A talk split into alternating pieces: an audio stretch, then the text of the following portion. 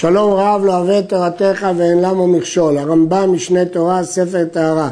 הלכות שאר אבות הטומאות, פרק שישה עשר. למדנו בפרק הקודם שספק טומאה ברשות הרבים טהור וספק טומאה ברשות היחיד טמא. מדוע? מסביר הרמב"ם. מפני מה תיארו חכמים ספק רשות הרבים? שהרי הציבור עושים הפסח בטומאה בזמן שהטמאים מרובים.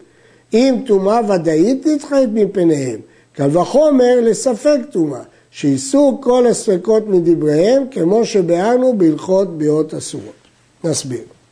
הרמב"ם בכמה מקומות, מהם בהלכות ביאות אסורות, פוסק שכל ספק מהתורה להקל. וכל הדין של ספקא דאורייתא לחומרא זה דין דה רבנן. רק רבנן מחמירים בספק טומאה. הרשב"א חולק על זה, אבל זאת דעת הרמב"ם בכמה מקומות. כיוון שהרמב"ם פסק שכל ספק מדאורייתא להקל ורק מדרבנן להחמיר, אז יש מקומות שרבנן הקלו. למשל, ברשות הרבים. למה הם הקלו? הם אמרו, אם התרנו ברבים לדחות טומאה בפסח, רואים שברשות הרבים יש להקל. לכן הקלו בספק טומאה ברשות הרבים. ומפני מה החמירו? חכמים, כי מהתורה כל ספק מותר. מפני מה החמירו בספק רשות היחיד? שהרי סוטה שנסתרה, אף על פי שהדבר ספק, הרי היא טמאה לבעלה עד שתשתה. בדרך כלל איפה היא הסתירה? ברשות היחיד. היא התייחדה עם גבר, ואנחנו אומרים שאם יש עדים על הסתירה, אפילו שלא יודעים אם היא נבעלה או לא, היא כבר אסורה לבעלה, נכון, בגלל שהיה כינוי, אבל מספק היא כבר נאסרה לבעלה, וכיוון שהיא כבר נאסרה, למדנו מכאן שספק רשות היחיד, חכמים טימאו. אני מדגיש שוב, לפי הרמב"ם, הכל זה מדרבנן. מדברי התוספות, בסוטה, עולה בבירור שזה דין דאורייתא, שספק רשות הרבים טהור וספק רשות היחיד טמא. אבל הרמב"ם לומד שכל הדין הזה הוא דין דה רבנן. מהי הגדרת רבים? בהלכות נזירות, פרק ט' הלכה ט"ז, נחלקו הרמב"ם והרייבד מה זה רבים. לדעת הרייבד, כששלושתם נמצאים במעמד אחד, זה רשות הרבים. לפי הרמב"ם, כל ששלושה אנשים נמצאים בחצר אחת, חשוב כרבים. וכשם שהסתה ובועלה שניים, כך ספק טומאה בשניים. רשות היחיד זה כשיש שני אנשים. אבל אם היו שלושה ברשות היחיד, הרי ספק תורתם שם טהור כרשות הרבים. כי עצם זה שהם שלושה זה כבר לא כמו בסוטה. עכשיו שימו לב לחידוש החשוב. במה דברים אמורים בשהיה זה שנטמע בספק שיש בו דעת להישאל ולדרוש ממנו מה שאירע לו כסותה שאפשר לשאול, לחקור אותה. אבל אם החירש או שוטה או קטן או כמובן שרץ או נבלה, דבר שאין בו דעת, שאינו יודע להשיב על העניין כששואלים אותו, הרי ספקו טהור. כיצד? חירש או שוטה או קטן שאין בו דעת להישאל, שנמצאו בחצר או במבוי שיש בו טומאה. ספק נגעו, ספק לא נגעו, הרי אלו טהורים, למרות שזה רשות היחיד, וספק רשות היחיד טמא, אבל אין בהם דעת להישאל. וכן כל שאין לו דעת להישאל ועל פי שנולד לו הספק ברשות היחיד, ספקו טהור. הסומה והישן והמהלך בלילה, ספקו ברשות היחיד טמא, מפני שיש לו דעת להישאל. אמנם עכשיו הוא לא רואה, הוא ישן, הוא מהלך בלילה, אבל דעת יש לו, ולכן אנחנו מתייחסים לזה כמי שיכול להישאל. במה דברים אמורים שכל שאין בו דעת להישאר ספקו טהור, שהיה הדבר שקול ואין שם חזקה. אבל אם היה הדבר ידוע שחזקתו שנטמע, הרי זה טמא. כיצד? תינוק טמא שנמצא בצד העיסה והבצק בידו, הרי העיסה טמאה, שדרך התינוק לטפח הובכה כחזקתו, ואין סוף עם החזקה הזאת. כלומר, לכאורה היינו צריכים להגיד שספק טהור, כי תינוק אין בו דעת להישאל, אבל יש חזקה שדרך התינוקות לטפח, חזקה פה זה במובן של רוב. רוב התינוקות מטפחים בעיסה, וכיוון שרוב התינוקות מטפחים בעיסה, אנחנו הולכים אה, לחומרה ואוסרים אפילו שנולד ספק. היו משקים טמאים ובצק טהור, ובהמה או חיה עורפות בבית. יש חשש שהם העבירו מהמשקים הטמאים לבצק. ונמצא בבצק מקום נשיכתם, הם נשכו בבצק. חזקה ששתו משקים ונשכו בבצק וטימאו. מן הסתם הם הלכו למשקים ובאו לבצק וטימאו. אם היה שם פרה ובין המשקים והבצק כדי שתלחך את לשונה, הרי הבצק טהור כי אולי היא ייבשה, נגבה את לשונה. ובשאר כל הבהמה כדי שתנגב את פיה. פחות מזה, הבצק טמא, כי אנחנו מניחים שהם לקחו מהמשקים והעבירו לעיסה. ויש פה, אז למה לא נגיד ספק רשות היחיד טהור? יש פה חזקה, יש פה רוב, יש פה סברה שהחיות עשו את זה. ואם היה כלב, אפילו היו המשקים בצד הבצק, הרי זה טהור. שאין דרכו של כלב להניח המזון וללך לו אל המים. המשנה אומרת שהכלב פיקח הוא. כיוון שהוא פיקח, הוא פוחד שיקחו לו את המזון, אז הוא הולך למזון מים, הוא ימצא יותר מצויים לו. נמצא בבצק מקירת תרנגולים. אם יש בין המשקים והבצק כדי שינגבו את פיהם בארץ, הבצק טהור. ואם לאו, טמא, שחזקתם ששתו ונקרו בבצק, במשקים שבפיהם.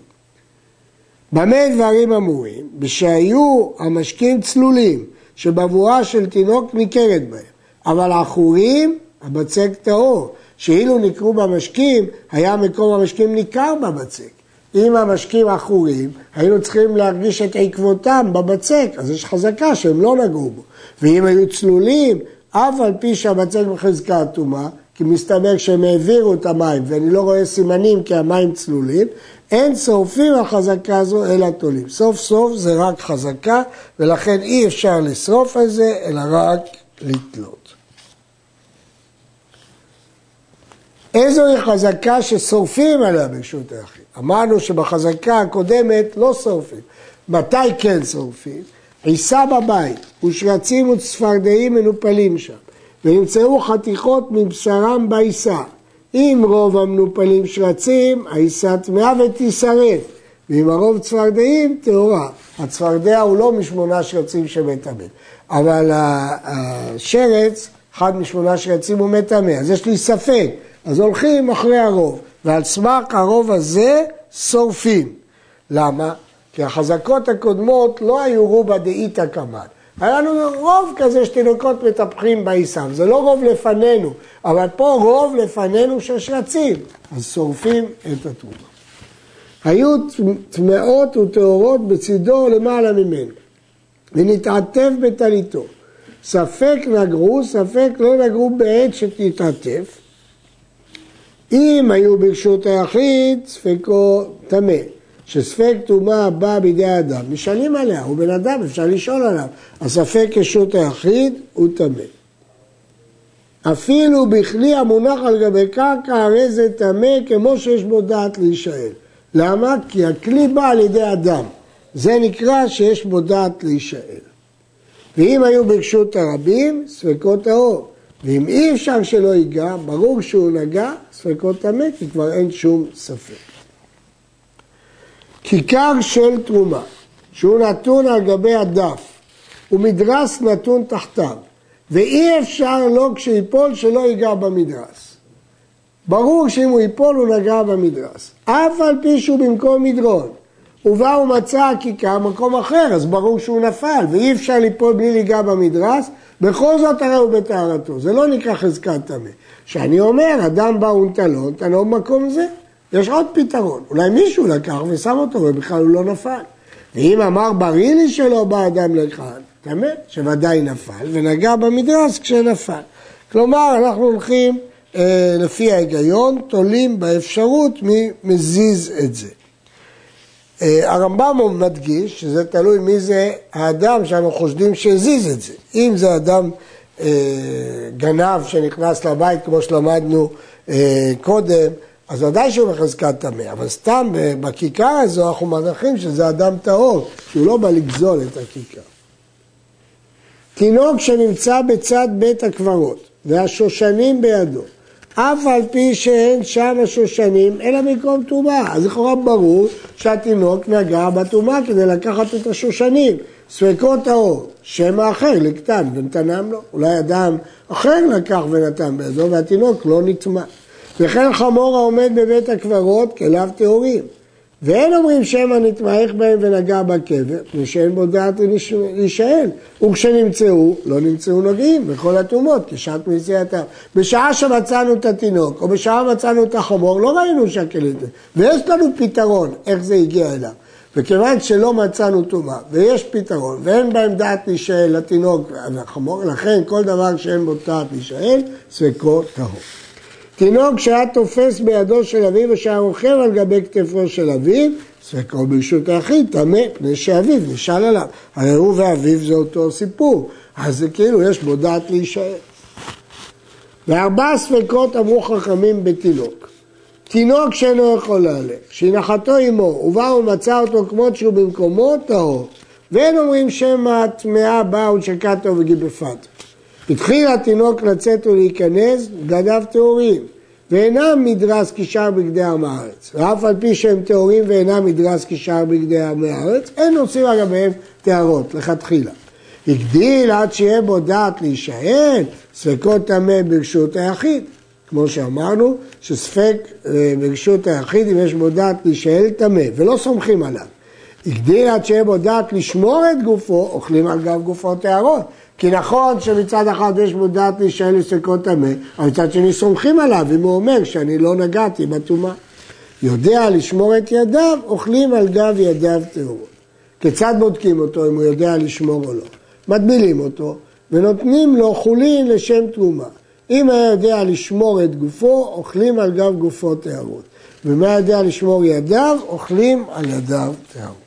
הריני להדגיש שאת הבדיקה של התינוק לא עושים בתרומה ממש, שמא יטמא תרומה, אסור לטמא תרומה, עושים בחולין לשם תרומה, ורק כשווידאנו שהוא יודע לשמור ולא מטמא, אז ניתן לו תרומה אמיתית. עד כאן.